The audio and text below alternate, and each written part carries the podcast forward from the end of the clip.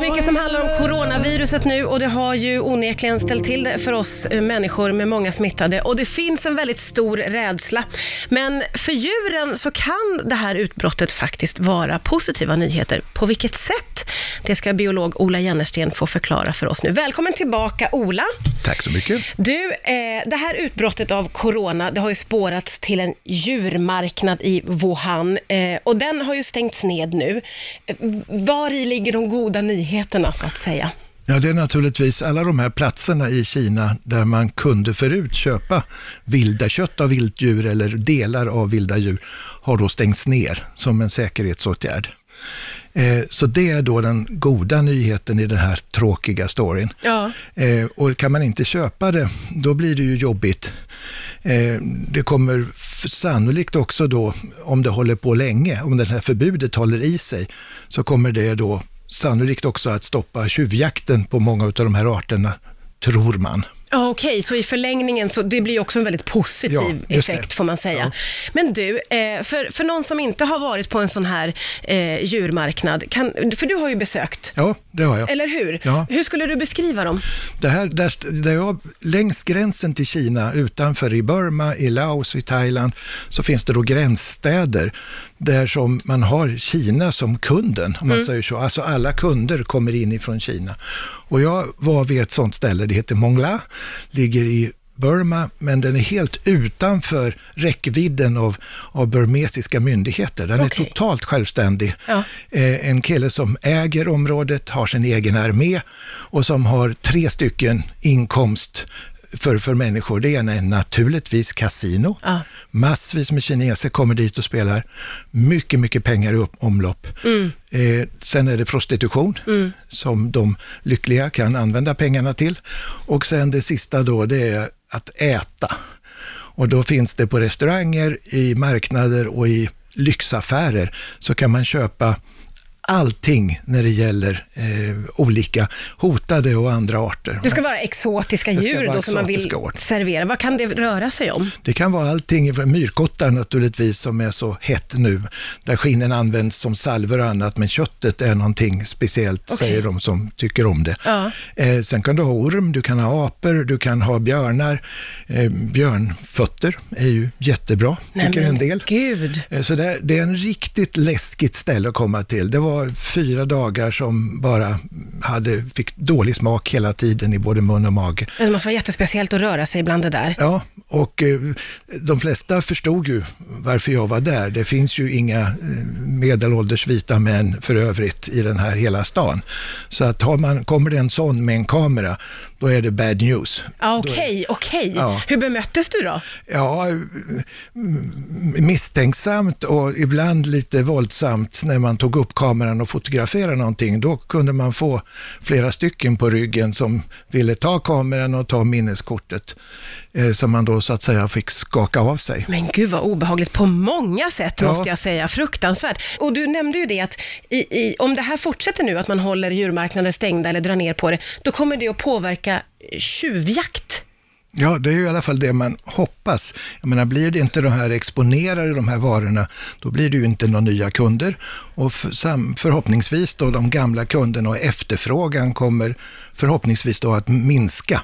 Ja, just det. Eh, och det i sin tur borde ju resultera i då att får man inte avsättning av produkterna så är det inte så kul att ha dem heller. Vilka djur är det som tjuvjagas eh, och varför?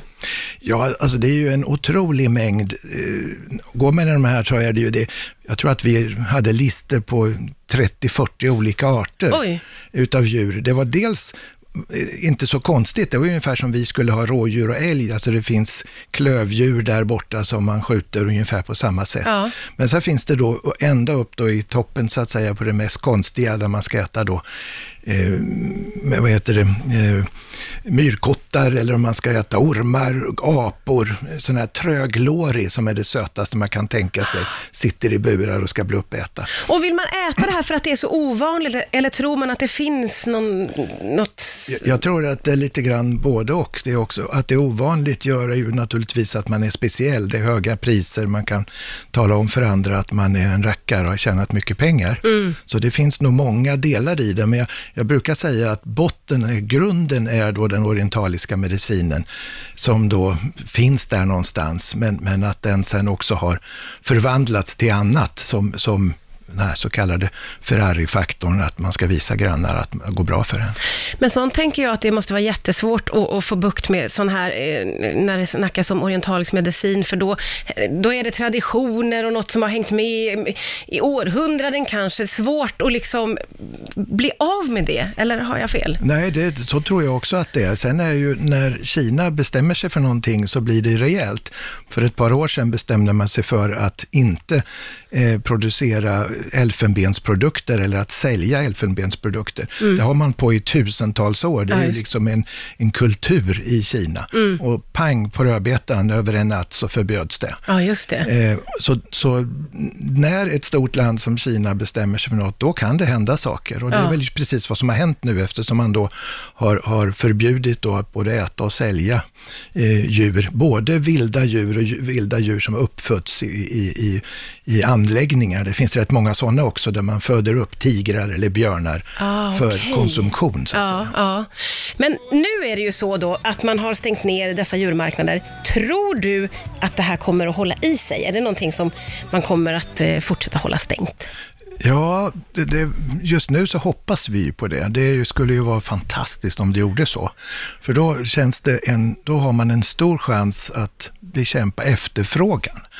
Och det är ju när man håller på med tjuvjakt på djur så är det ju tre saker. Det är alltså själva jakten som man vill bara slut med, men smugglingen av djuren och sen då efterfrågan. Finns det en efterfrågan, speciellt när pengarna är stora som det är här, så fortsätter det där ändå. Mm. Så får vi bukt då på efterfrågan, vilket torde vara då ett resultat om man tar ner marknader. Ja. Att, att det blir svårare att få tag i det och då blir det mindre intressant så småningom. Mm. Så det är ju förhoppningen. Ja, just det.